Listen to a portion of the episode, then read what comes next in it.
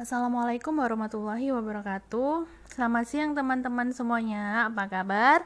Semoga selalu sehat ya. Dan untuk teman-teman yang saat ini sedang sakit, saya doakan semoga segera sembuh. Amin. Jumpa lagi nih di podcast saya siang hari ini. Hari sekarang hari Rabu tanggal 27 Juli 2022. Masih dari kota Nyiur Melambai atau Kota Manado. Nah, pada siang kali ini saya ingin sharing sedikit mengenai peluang mendapatkan cuan dari tulisan. Jadi beberapa waktu belakangan ini saya kerap ditanya oleh teman-teman saya yang memang mereka tidak berkecimpung di dunia tulis menulis. Mereka bertanya, emang nulis bisa ya dapat duit? Emang bisa ya dapat cuan dari tulisan? Emang cuma nulis-nulis aja bisa gitu dapat duit? Gitu. Kira-kira seperti itulah ya pertanyaannya. Nah, daripada saya jawab satu persatu akan lebih baik uh, kalau saya jelaskan lumayan sedikit panjang dan lebar di podcast. Jadi nanti-nanti kalau ada yang tanya lagi, tinggal saya share aja link podcastnya gitu.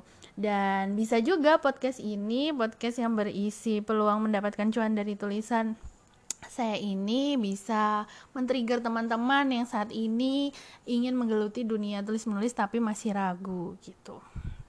Oke, okay, sebelum kita ngobrol lebih jauh mengenai peluang mendapatkan cuan dari tulisan, alangkah lebih baik dulu kalau kita mengetahui kenapa kenapa sih kita menulis gitu terutama bagi teman-teman yang memang udah dari sononya tertarik dengan dunia tulis menulis ya. Kenapa kok menulis gitu? Alasan alasan kuatnya itu apa? Strong why-nya itu apa gitu? Pastinya setiap penulis punya beragam jawaban ya.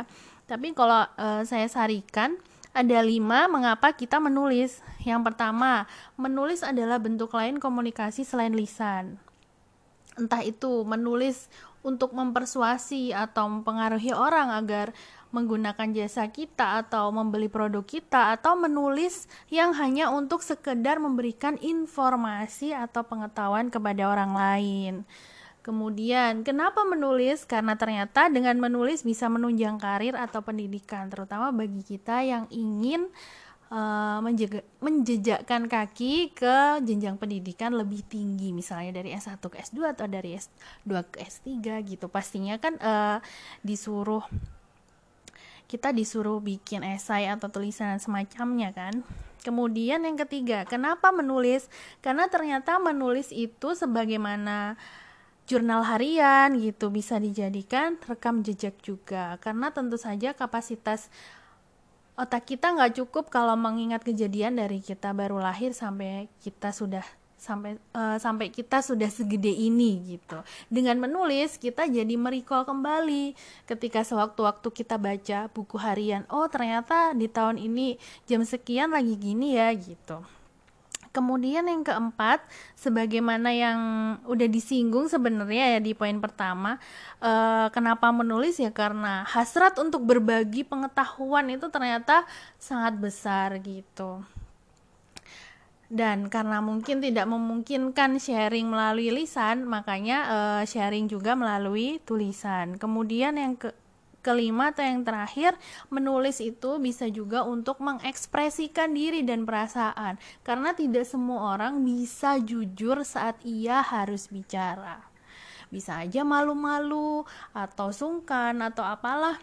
Dan dia justru lebih jujur justru bisa lebih ekspresif ketika ia um, mengekspresikannya melalui bahasa tulisan. Itu sebabnya jangan heran kalau misalnya uh, ada orang yang antara tulisan dengan kenyataan itu berbeda gitu. Di tulisan seolah-olah mungkin dia orang yang cerewet atau orang yang ramah atau orang yang banyak omong, tapi ternyata saat bertemu di dunia maya, eh, di dunia nyata ternyata ia adalah sosok yang pendiam dan kurang ramah gitu. Bisa aja karena dia malu seperti itu. Dia lebih bisa mengekspresikan perasaannya melalui media tulisan gitu. Untuk teman-teman sendiri, kenapa nih menulis? Di antara kelima alasan yang sudah saya sebutkan di atas, apakah uh, memang sebagai bentuk lain komunikasi atau sebagai penunjang karir atau pendidikan, sebagai rekam jejak untuk berbagi pengetahuan atau bentuk ekspresi diri. Setiap orang bebas ya pastinya. Ingin menjadikan menulis itu sebagai apa. Dalam prakteknya, pasti tidak semua orang memiliki atau menyukai kegiatan tulis-menulis. Ngapain sih menulis? Ngebosanin banget seperti itu misalnya. Tapi sekalipun kita tidak suka atau tak terlalu suka dengan kegiatan menulis kita nyatanya harus memiliki kemampuan menulis atau kemampuan literasi yang baik kenapa sih gitu kira-kira alasannya kenapa ya kok meskipun kita nggak bercita-cita jadi penulis meskipun kita nggak terlalu suka menulis tapi kita harus bisa menulis uh, yang nggak sekadar menulis gitu. Kenapa? Karena bahasa tulisan itu beda dengan bahasa lisan. Bahasa lisan itu artinya sama. Misalnya oke, okay, oh ya artinya oke okay, ya oke, okay. tapi berbeda dengan bahasa tulisan yang bisa ambigu atau bisa multitafsir. Jadi boleh dibilang bahasa tulisan itu memiliki potensi untuk salah paham itu lebih besar dibandingkan bahasa lisan. Kalau bahasa lisan biasanya kita langsung ngedengerin suara orang yang kita ajak bicara, jadi kita tahu oh ternyata intonasi dia rada tinggi, berarti dia mungkin marah nih. Atau oh dia datar-datar aja, oh iya berarti nggak ada apa-apa. Tapi kalau bahasa tulisan itu nggak ada intonasi, rata ya oke okay. k eh jadi kita nggak tahu ini yang nulis lagi marah apa gimana apa seperti apa kita hanya bisa menerka-nerka gitu misalnya nih nulis oke okay, oka titik atau oke okay, atau oke okay, gitu. Itu kita hanya bisa menebak-nebak dari situ. Oh kalau kalau uh, jawabannya oke okay, berarti dia orangnya ramah. Atau kalau nulisnya oke okay, oh sama A kasih titik. Oh ya udah berarti orangnya melanda jutek gitu. padahal kan uh, nggak seperti itu juga gitu Itulah mengapa kita harus memiliki kemampuan untuk menulis. Karena di zaman sekarang ini bentuk komunikasi itu nggak cuma lisan tapi juga tulisan. Apalagi uh, di era social distancing seperti sekarang ya. Yang notabene kita jarang jarang berkomunikasi dengan orang atau nggak sesering dulu lah kalaupun komunikasi kita lebih banyak berkomunikasi mungkin melalui tulisan misalnya WA atau Line atau DM di Instagram atau semacamnya. Nah eh, alangkah alangkah sayang banget kalau hanya karena kita kurang memiliki kemampuan menulis yang baik kemudian salah paham sampai berakhir dengan gontok-gontokan ya kan? Padahal maksud kita nggak seperti itu. Tapi kita hanya salah tulis saja salah uh, caps lock semua misalnya. Oh jadi uh, orang yang orang yang membaca tulisan kita jadi menganggap kita marah padahal enggak gitu. Padahal bisa aja salah pencet atau gimana gitu. That's why kita perlu banget memiliki kemampuan untuk menulis yang baik karena itu uh, apa bisa melatih kepekaan kita kepada orang lain yang hubungannya adalah dalam berkomunikasi melalui tulisan. Seperti itu harapannya dengan kita memiliki kemampuan menulis yang baik uh, salah paham atau multitafsir dari orang lain terhadap pesan yang kita sampaikan itu akan lebih bisa diminimalisir seperti itu. Kemudian berikutnya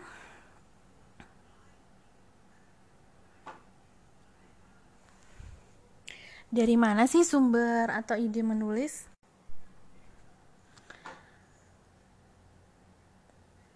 Kalau ngomongin ide atau sumber menulis tuh ada banyak banget sebenarnya.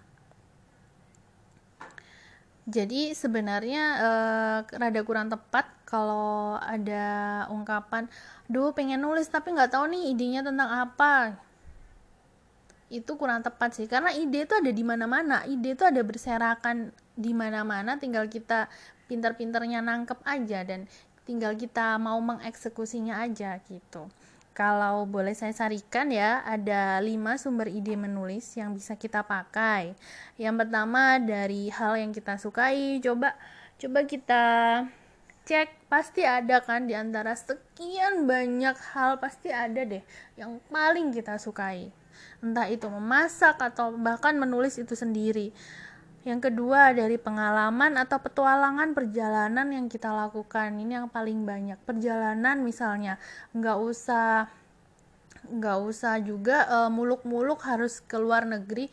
Perjalanan dari rumah ke kampus atau dari rumah ke kantor itu aja udah bisa dijadiin bahan untuk menulis gitu. Misalnya sepanjang perjalanan itu kita melihat sesuatu, melihat uh, apa ya orang berantem di jalan atau misalnya melihat orang tua sedang antar anak sekolah dari dari scene itu aja kita udah bisa mengembangkannya menjadi sebuah ide tulisan gitu. Misal kita melihat orang berantem di jalan kemudian dari adegan itu dari scene itu kita jadi terinspirasi untuk membuat tulisan uh, tips agar tidak bertengkar di publik di ruang publik. Atau mungkin uh, kita bisa bikin tulisan mengenai ini yang harus kamu lakukan ketika melihat orang bertengkar di ruang publik. Misalnya seperti itu ada banyak lah intinya ya. Kemudian berikutnya ide juga bisa dari bidang atau hal yang sudah kita kuasai dan kita geluti. Dengan asumsi kalau kita menuliskan hal-hal yang sudah kita kuasai atau yang kita geluti waktu untuk meriset itu nggak lama gitu. Misal kita berkecimpung di dunia pemasaran. Alangkah lebih mudah jika kita juga menuliskan hal-hal yang berbau pemasaran atau marketing. Gitu. Rasanya e, kalau beda bidang ya apalagi yang bedanya banget banget itu bukan yang nggak mungkin sih. Mungkin cuman uh, waktu kita untuk meriset itu akan lebih banyak gitu. Kemudian yang keempat dari mengamati kejadian sekitar. Coba deh pasti ada ada kan yang uh, membuat kita tertarik dari kegiatan mengamati sekitar. Mengamati sekitar nggak harus mengamati dunia nyata nggak. Mengamati dunia maya aja. Apa sih yang sekarang lagi viral? Itu aja itu bisa juga dijadikan uh, bahan tulisan. Kemudian yang terakhir, dari menggabungkan beberapa ide yang pernah ada menjadi hal baru.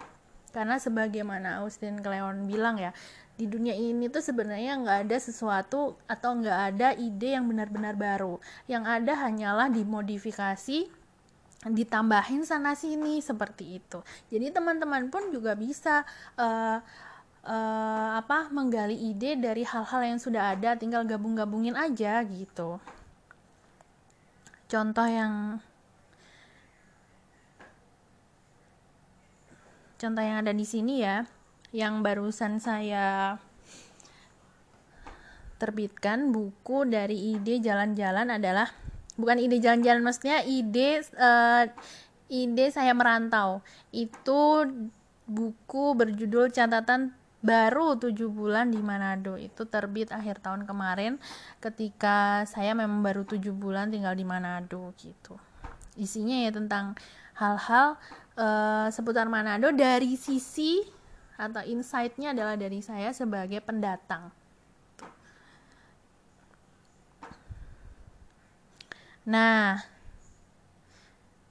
berikutnya ini ada yang menarik nih